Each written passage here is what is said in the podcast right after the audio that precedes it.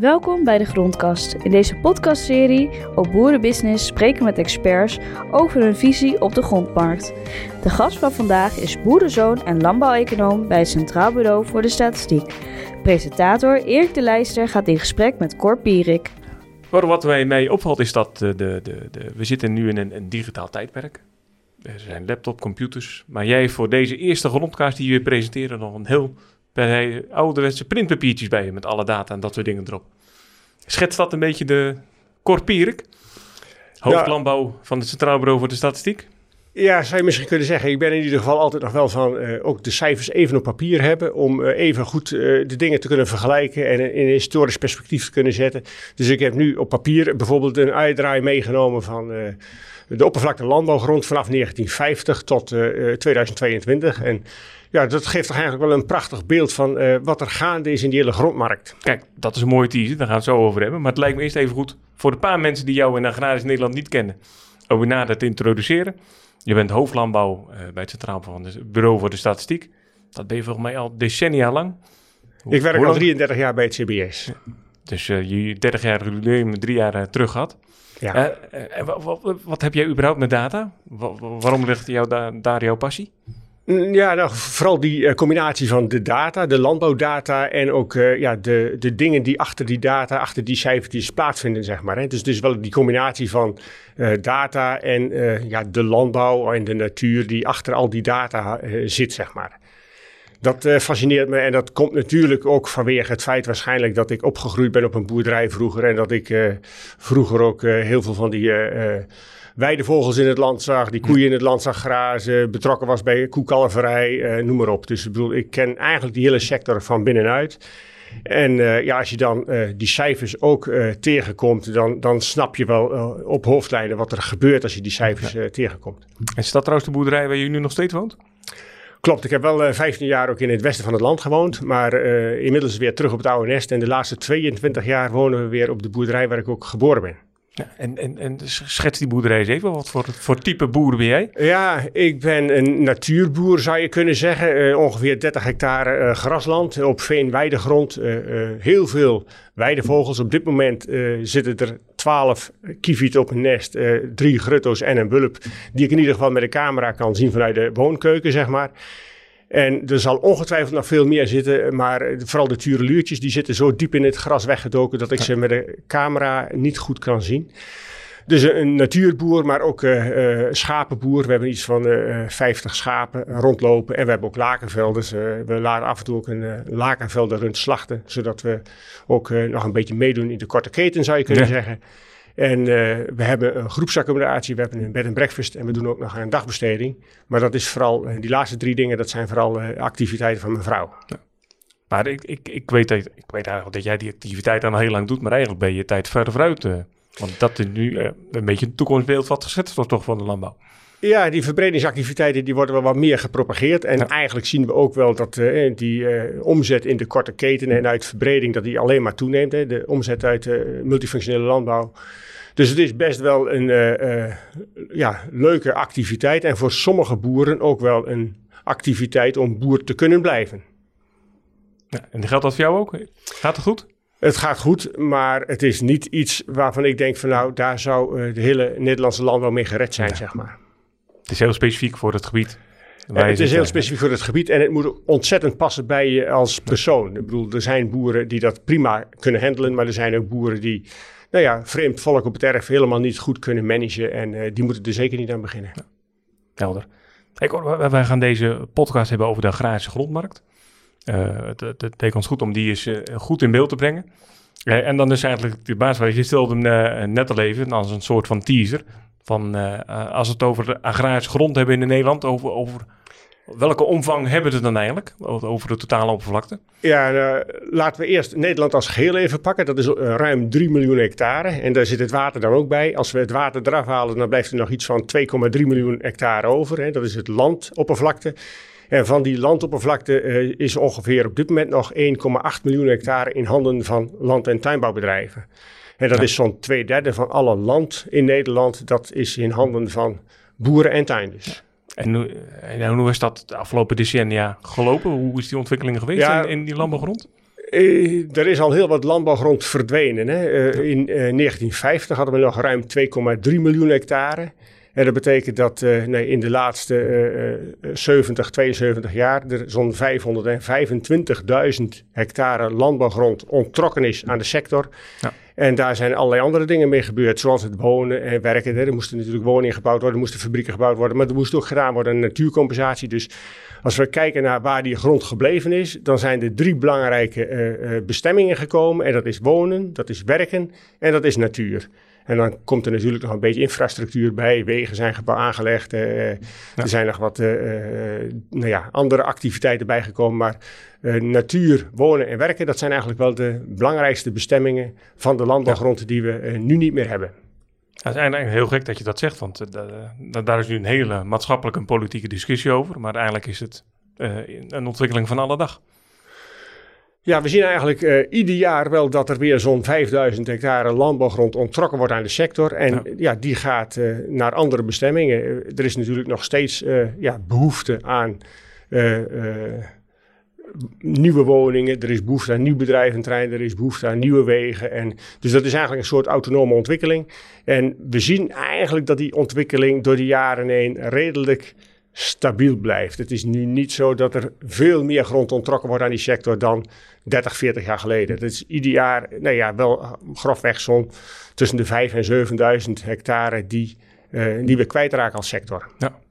Dus eigenlijk het politiek beleid en al dat soort zaken, dat heeft wel invloed op. Maar daar zie je geen grote schokken in. Je komt geen grote schokken tegen. Nee, er zijn natuurlijk wel beleidsmaatregelen die af en toe uh, even een extra duwtje geven. Hè. Ik bedoel, als er een opkoopregeling is varkenshouderij, dan worden weer misschien iets meer varkensbedrijven uh, uh, onttrokken aan het sector. Maar ook dat is, als het gaat om grondoppervlakte, weer heel erg beperkt. Dus nee, we zien geen grote schokken. Het is echt een hele langzame, maar hele duidelijke ontwikkeling die we zien. En dan eh, kijk inderdaad ook naar, naar het grondgebruik. Als het, het, een beetje opsplitsen in, in akkerbouw, uh, grasland en denk ook nog tuinbouw. Uh, ja. hoe, hoe ligt die verhouding ongeveer? Nou, we zien dat van die uh, 1,8 miljoen hectare die nu nog in de landbouw aanwezig is, dat er grofweg zo'n 1 miljoen hectare bestaat uit grasland. Uh, Zo'n zo 600.000 hectare, dat is akkerbouw. En de rest, dat is tuinbouw. En ja. we zien vooral in die tuinbouwhoek dat eigenlijk de laatste jaren die oppervlakte nog wel behoorlijk uh, uh, stabiel blijft. Hè? De, dus de grond die verloren gaat, die gaat vooral verloren vanuit de gras, graslandhoek en de akkerbouwhoek. En stabiel, dat tuinbouw bedoel ik, en dat is inderdaad ook glas, kas, dus, er zit een groene bomen en, ja, en ja, heel de... Dus ja, als ik het over tuinbouw heb, dan heb ik het uh, over de glastuinbouw, maar dan heb ik het ook over de fruitteelt, dan heb ik het ook over de groenten op grond. We zien natuurlijk dat vanuit die akkerbouwhoek ook, nou ja, nog wel wat teelten uh, richting de groentesector zijn verhuisd, zeg maar. Hè. Ik bedoel, strikt genomen zijn uien zijn ook groenten. Ja. En het is wel opvallend dat dat gras dan, dan afneemt, want dat is in, qua natuurbeheer en dat soort zaken wat wordt genoemd toch eigenlijk een, een ja. ideaal grondsoort om dat op uit te oefenen. Klopt, maar dan hebben we het vooral over blijvend grasland. Hè? Dus mhm. grasland dat uh, uh, uh, jarenlang niet gescheurd is, niet vernieuwd is. misschien wel door het doorzaaien, maar niet zwart gemaakt en omgeploegd of gevreesd en zo. Dus echt het doorzaaien, dat kan nog wel in blijvend grasland. Maar dat zijn eigenlijk de graslanden die een hoge natuurwaarde hebben. Uh, het tijdelijke grasland, dus het grasland dat een onderdeel uitmaakt van de, het vruchtwisselingspakket. Uh, ja, dat, dat, dat, dat zijn een beetje die monotome uh, Engelse raai, graslanden waar sommigen van roepen dat het een soort biljartlakens lijken, ja. zeg maar. Maar het feit dat dat afneemt, is dat ook synchroon met een daling van de melkveehouderij? Nou, we zien wel uh, een behoorlijke vermindering van het aantal melkveebedrijven. Hè. Uh, in, in, in 2000 waren er nog 30.000 melkveehouders. Inmiddels is dat gehalveerd tot minder dan 15.000. Dus de, dat betekent ook dat op 15.000 plekken er al geen mogelijkheid meer bestaat om de koeien naar buiten te sturen. Domweg vanwege het feit dat die koeien er niet meer zijn. Ja. Um, we zien aan de andere kant wel dat de, de melkveestapel nog wel redelijk uh, op peil blijft. Dus dat is, nee, we hebben nog steeds zo'n uh, kleine 1,6 miljoen melkkoeien. En nou ja, eigenlijk hadden we strak na de Tweede Wereldoorlog ook zo'n 1,6 miljoen melkkoeien. Dus ik bedoel, dus er zitten wel wat pieken en dalen in gedurende al die decennia. Maar grofweg zou je kunnen zeggen dat het aantal melkkoeien wel een beetje op, op, op hetzelfde niveau ligt dan rond de Tweede Wereldoorlog. Uh, grote verschil is natuurlijk wel dat die koeien op dit moment veel meer melk geven. Rond de Tweede Wereldoorlog was dat zo'n 4000 liter en inmiddels geeft een koe zo'n 9000 liter per jaar. En dat tekent ook een beetje de concentratie in, de, in, in melkveehouderij qua, qua schaalvergroting. Concentratie, precies. veel grotere bedrijven, en, maar, maar wel veel minder bedrijven. Dus kijk naar de akkerbouw, zie je daar een, eenzelfde ontwikkeling? Ook een aantal akkerbouwers, dat is wel behoorlijk uh, afgenomen. Uh, zie je ook een behoorlijke schaalvergroting. Op dit moment heeft een doorsnee akkerbouwbedrijf zo'n zo'n 50 hectare. En dat was, nou ja, een 30 jaar geleden was dat nog 25 hectare. Dus ook daar zie je wel een verdubbeling van de gemiddelde oppervlakte die een akkerbouw bewerkt. Ja. En zie je wat dat betreft ook nog verschuiving over Nederland? Dat was echt van, joh, melkveehouderij was natuurlijk eerst erg geconcentreerd rond echt die weidegebieden. En, en echt in clusters, die zijn wat later over heel Nederland verspreid, van Groningen tot Zeeland. Is dat iets waar je nog steeds terugziet? Er is wel een periode geweest dat je zag dat er uh, wat uh, melkveehouders vanuit de gebieden waar ze niet verder konden naar akkerbouwgebieden trokken. Dat is vooral in, in het noorden van Groningen wel wat te zien. Maar dat is ook in Flevoland wel te zien. Hè, dat een aantal uh, voormalige akkerbouwbedrijven inmiddels zijn omgeturnd tot melkveebedrijf, dan wel een gemengd bedrijf. Hè, dat een uh, melkveehouder toch ook nog een akkerbouwtak erbij houdt. Maar dat, zijn niet, dat, dat is geen mainstream ontwikkeling geweest. Hè. Dat is echt allemaal, uh, nou ja, dat gaat dan om nou ja, tientallen, laten eens een keer een honderd bedrijven zijn. Maar de, de, de mainstream ontwikkeling is natuurlijk gewoon geweest dat veel bedrijven zijn verdwenen. En als je nu kijkt, ja, als je heel de, de, grondmarkt zeg maar in, in, in beeld zou brengen dan op dit moment, hoe zou die typeren? Nou, ik denk dat uh, de grondhonger op dit moment groter is dan ooit. en dat heeft vooral te maken met het feit dat er ontzettend veel partijen trekken aan die grond. Dus ehm, en dat zijn meer partijen dan in het verleden. We hebben het niet alleen over uh, grondspeculanten of zo. Bedoel, hè, dat eh, is altijd al uh, wel een factor geweest. Maar we hebben het ook over energiebedrijven die zonneparken willen aanleggen. We hebben het over gemeenten die toch ook altijd nog trekken aan grond omdat ze ja, nieuwe woningen willen bouwen. bedrijventerrein willen uitbreiden. En, en, we hebben het natuurlijk ook nog wel over uh, een consequentie van al die uitbreidingen, dat gemeenten of dat provincies dan ook moeten doen aan natuurcompensatie. Dus er is ook uh, nog weer meer behoefte aan natuur. Hè, en, en dat gaat ook allemaal ten koste van de landbouwgrond. Daarnaast hebben we natuurlijk ook nog wel andere dingen die een rol spelen en die nog weer wat extra druk op die grondmarkt zetten. En dan moet je denken aan bijvoorbeeld de bossenstrategie. Er moeten nog, er moeten nog meer bomen bij komen. Dus als je al die uh, partijen op een rij zet die trekken aan grond en die, die, die uh, ja, grondhonger hebben, dan is dat een indrukwekkend aantal organisaties. En dat heeft natuurlijk ook een prijsopdrijvend effect uh, van grond. Ik heb nog niet gehad over de bufferstrook, het nieuwe GLB. Hè. Er is dus ook nog weer extra grond die aan de landbouw ontrokken wordt, omdat er gewoon geen teelt plaats mag vinden, omdat ze dicht bij een sloot liggen. Ja. En uh, akkerranden en zo. Dus ook het nieuwe GLB zal uh, die grondhonger nog verder aanwakkeren. Ja. dat feit dat de akkerbouwers of uh, andere boeren zeg maar, die grond, die bufferstrook willen compenseren met het aankoop van een ander perceel om die productie maar op peil te houden. Als ze die productie op peil willen houden, dan moet het wel ergens vandaan komen. En als dat niet van die bufferstroken komt, dan zoeken ze naar alternatieven. Komt er nog eens bij dat in de melkveehouderij natuurlijk ook een behoorlijke claim is gelegd op extensivering. Dus als een boer uh, ja, wil extensiveren, kan hij twee kanten op. Of minder dieren houden, of meer grond kopen. En uh, nee, daar wordt natuurlijk ook naar gekeken, links en rechts. Van nou ja, als ik toch mijn aantal koeien een beetje op peil wil houden, kan ik dan de grond van de buurman er nog niet bij kopen. Nou, nu, weet ik dat jij je heel graag altijd bij de feiten houdt. Maar als je dit, dit beeld zo schetst. Uh, en je gaf net aan, joh, het, het, areaal wat ontrokken wordt jaarlijks, dat is redelijk stabiel. Staan we dan echt wel aan de vooravond van een, een echt wel een, een kronkeling omhoog uh, daarin uh, qua, qua grondomtrekking uit de landbouw? Nou, uh, als CBS dan uh, zal ik uh, niet snel een voorspelling doen van hoe zich dat in de komende jaren zich gaat ontrollen. Dat vermoedde ik al. Ja, ja, daar moeten we een beetje streng in zijn. Maar er zijn natuurlijk autonome ontwikkelingen die al jarenlang lopen, waarvan je kan aannemen dat die ontwikkelingen nou ja, niet zo heel spectaculair gaan veranderen. En in die zin zal die grondhonger, die, die, zal voorlopig nog wel blijven. Dat kun je wel op je klomp aanvoelen. Ja. Maar dat, jij zegt, joh, die, die grondhonger die valt eigenlijk in de, traditionele afname van. Uh, er wordt al aangetrokken, maar het tempo is niet snel. Nou ja, Als ik het zo een beetje proef. ja, maar goed, ik heb ook wel aangegeven dat er wel meerdere partijen zijn dan in het verleden die vechten om die grond. En daardoor is die grondschaarste natuurlijk ja, fors te noemen. Ja. En ja, schaarste betekent gewoon ook hogere prijzen. En dat zien we natuurlijk hier en daar uh, ja, best gebeuren. Hè? Dat er eh, percelen verkocht worden voor prijzen waarvan je denkt van... joh, maar dat kun je eigenlijk nooit ja, op boeren. Ja. En dat, uh, daar hebben andere redenen een rol gespeeld om zo hoog te gaan zitten met zo'n prijs. Ja, als je dat betreft wil kijken, hoe is eigenlijk de verhouding bij uh, agrarische ondernemers? Van hoeveel grondbezit ze hebben en hoeveel grond ze pachten?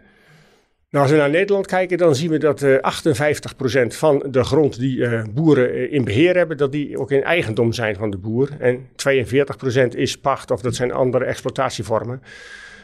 dus, dus ja, er zit natuurlijk heel wat kapitaal bij boeren in die grond. Ja. En is die, die ook verhouding ook min of meer, hoe heeft die zich ontwikkeld ook de laatste decennia? Is er meer eigendom bijgekomen wat dat betreft? Nou, dat, dat, is eigenlijk wel redelijk stabiel te noemen. Dat is, is een fractie uh, meer eigen, het is ook wel 56% geweest, maar dat, dat, het is niet zo dat dat nou spectaculair aan het veranderen is. En is dan ook kijk van uh, in het beeld naar de, naar de provincies. Uh, kan, je daar nog zien dat daar nog specifieke ontwikkelingen in plaatsvinden? Dat je zegt van joh, dat valt in zo'n provincie echt op, wat, wat daar gebeurt? Um, nou ja, we zien wel bijvoorbeeld dat uh, als het gaat om uh, de hoeveelheid grond die in eigendom is bij boeren, dat Groningen er met kop en schouders bovenaan staat. Hè. Dat is meer dan 70% van de grond is in eigendom van de Gron Groningse boer. En in Flevoland is dat nog wat minder. Uh, maar wat je in de provincies natuurlijk ziet, is dat uh, ze heel erg bezig zijn nu met uh, de gebiedsgerichte aanpak, met de plannen die vanuit Den Haag binnenkomen. En ja, die hebben zich ook wel heel erg ja, bezig gehouden met van ja, wie zijn nou de gebruikers van de grond en hoe kunnen we die gebruikers van de grond ja, zo faciliteren dat we ook de targets gaan realiseren die vanuit Den Haag op ons afkomen. Ja. Ja, je noemde het net al, even de, de grondprijs. Grondhonger drijft de, de, de grondprijs op. Uh, bij welke ontwikkeling, uh, ik kan nu al voorspellen dat dat uh, prijsopdrijvend is. Maar bij welke ontwikkeling zie jij erin in de afgelopen decennia qua, qua grondprijs?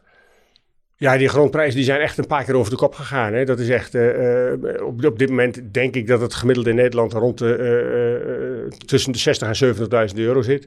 Maar er zijn provincies in Flevoland bijvoorbeeld, wordt, er echt duidelijk meer voor een hectare grond betaald. En dat heeft te maken met het feit natuurlijk dat er ja, in, Flevoland wat minder dingen boven de markt hangen als het gaat om... Natura 2000 gebieden en beperkingen die dat allemaal gaat opleveren en zo. En ook ja, het is vruchtbare grond in Flevoland. Hè. die grond die is voor meerdere doelen te gebruiken. Je kan er uh, vaak akkerbouwgewassen op telen. Je kan het voor de groenteteelt, je kan het voor de bollenteelt. Je kan er ook uh, gewoon gras op verbouwen. Dus je, je, kan er heel veel kanten mee op. En als je kijkt naar de, naar de type bedrijven, we hebben het net over de grond gehad. Uh, zeg, kijk naar akkerbouwbedrijven, uh, melkveebedrijven, je hebt het net al even genoemd. welke ontwikkelingen daar, daarin plaats hebben gevonden. Um, ja, wat, wat is jouw idee? Er wordt natuurlijk ook heel veel over gespeculeerd, over gepraat. Uh, aantal stoppers of boeren die overwegen uh, te stoppen. Daar gaan ook heel veel cijfers rond. Maar wat zijn de officiële cijfers die jij daarover hebt vanuit het CBS? Nou, we zien bijvoorbeeld uh, de laatste jaren dat er zo'n 700 melkveehouders per jaar stoppen. Hè? Dus er zijn heel veel stoppers, dat zijn melkveehouders. Maar ook in andere takken van sport komen we die stoppers tegen. Stoppers, dat heeft uh, ja, voor een belangrijk deel is dat uh, te koppelen aan het, de aanwezigheid van een bedrijfsopvolger of niet. Zodra er een boer is die wel een bedrijfsopvolger heeft, dan zal hij echt al voorsorteren op ja, een, een, bedrijfsovername en dan zal hij zijn investeringen daar ook op aanpassen. Een boer die geen bedrijfsopvolger heeft, ja, die, die ziet dat natuurlijk van tevoren aankomen en die zoekt naar alternatieven. Het is zeker niet zo dat een boer zonder bedrijfsopvolger um, zijn bedrijf uh, gaat verkopen en dat het, uh, dat het een bedrijf is waar dat opgekocht zou kunnen worden door de ja. overheden of zo. Want er zijn tegenwoordig ook andere uh, kopers van landbouwbedrijven. Hè. We hebben de herenboeren, we hebben Land van Ons, we hebben, hè, er zijn nog wel andere organisaties die ook boerderijen opkopen om ja, toch weer perspectief onder zo'n boerderij te leggen. de particuliere initiatieven, zoals ze heel vaak worden genoemd. Ja, precies. Ja. En maar als je uh, kijkt inderdaad naar dat opvolging. is er bekend, zeg maar, hoeveel ondernemers, jonge ondernemers, nu overwegen en, of willen het bedrijf van hun ouders over willen nemen?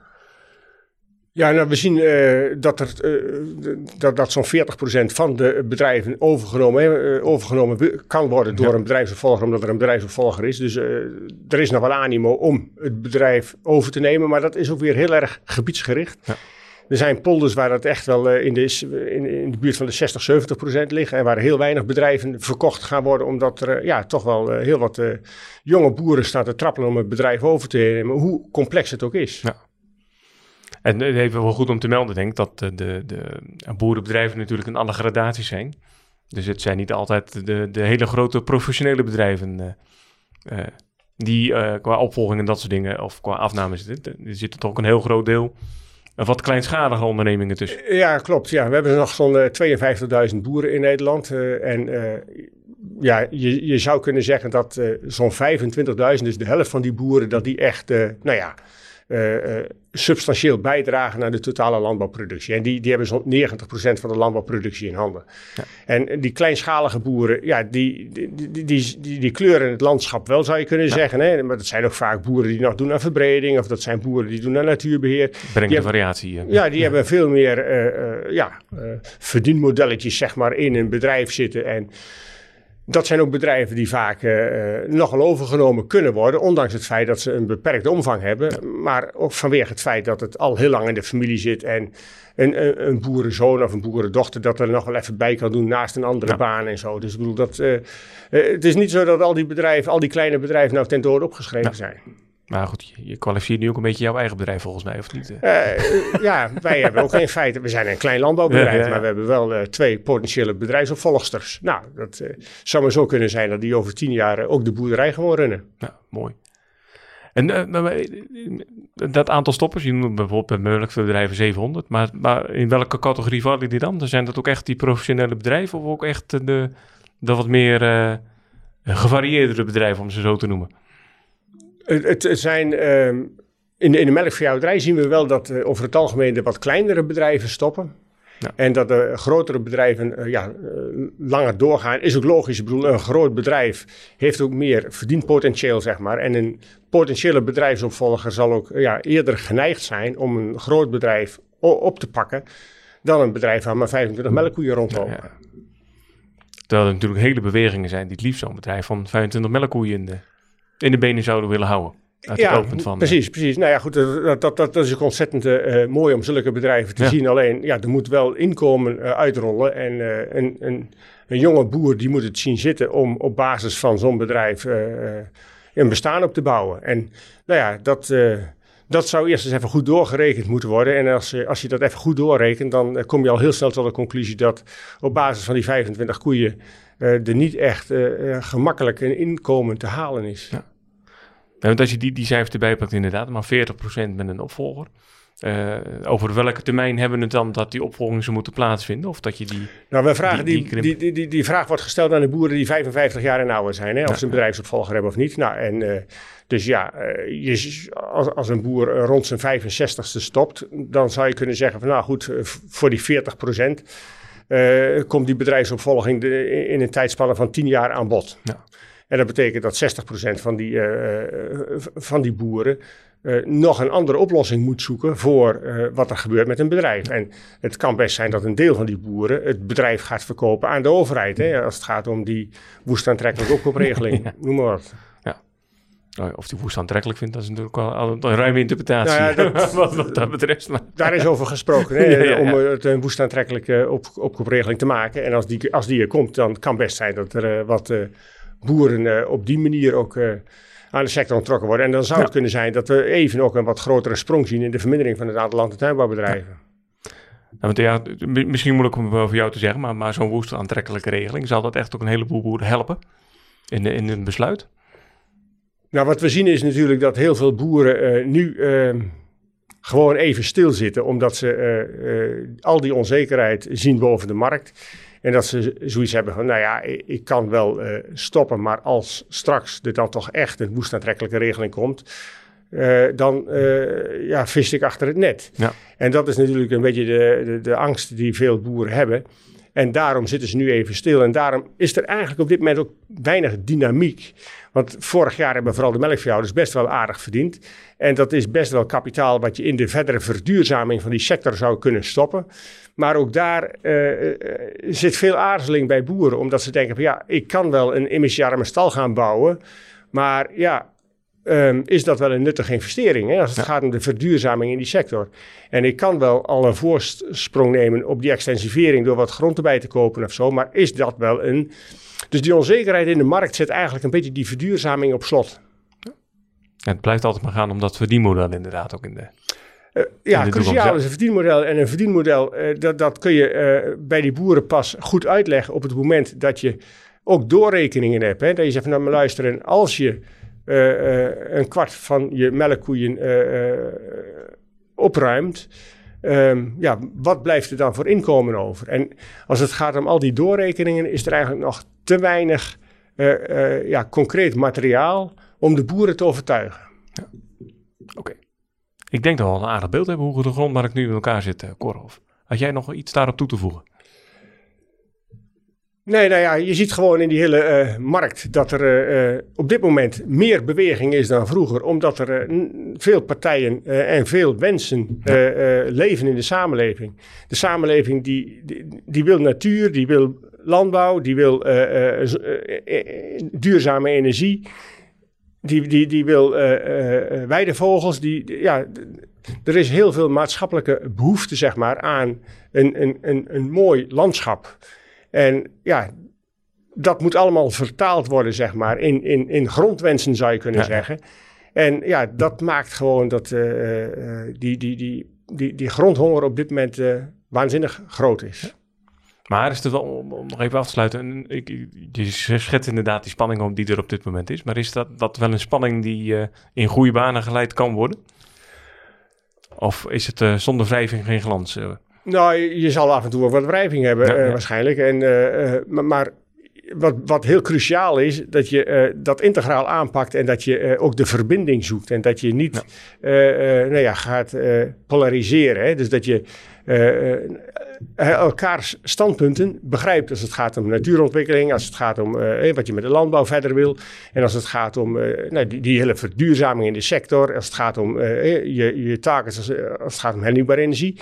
Je moet in de eerste instantie goed de, de andere kant van het verhaal ook proberen te snappen.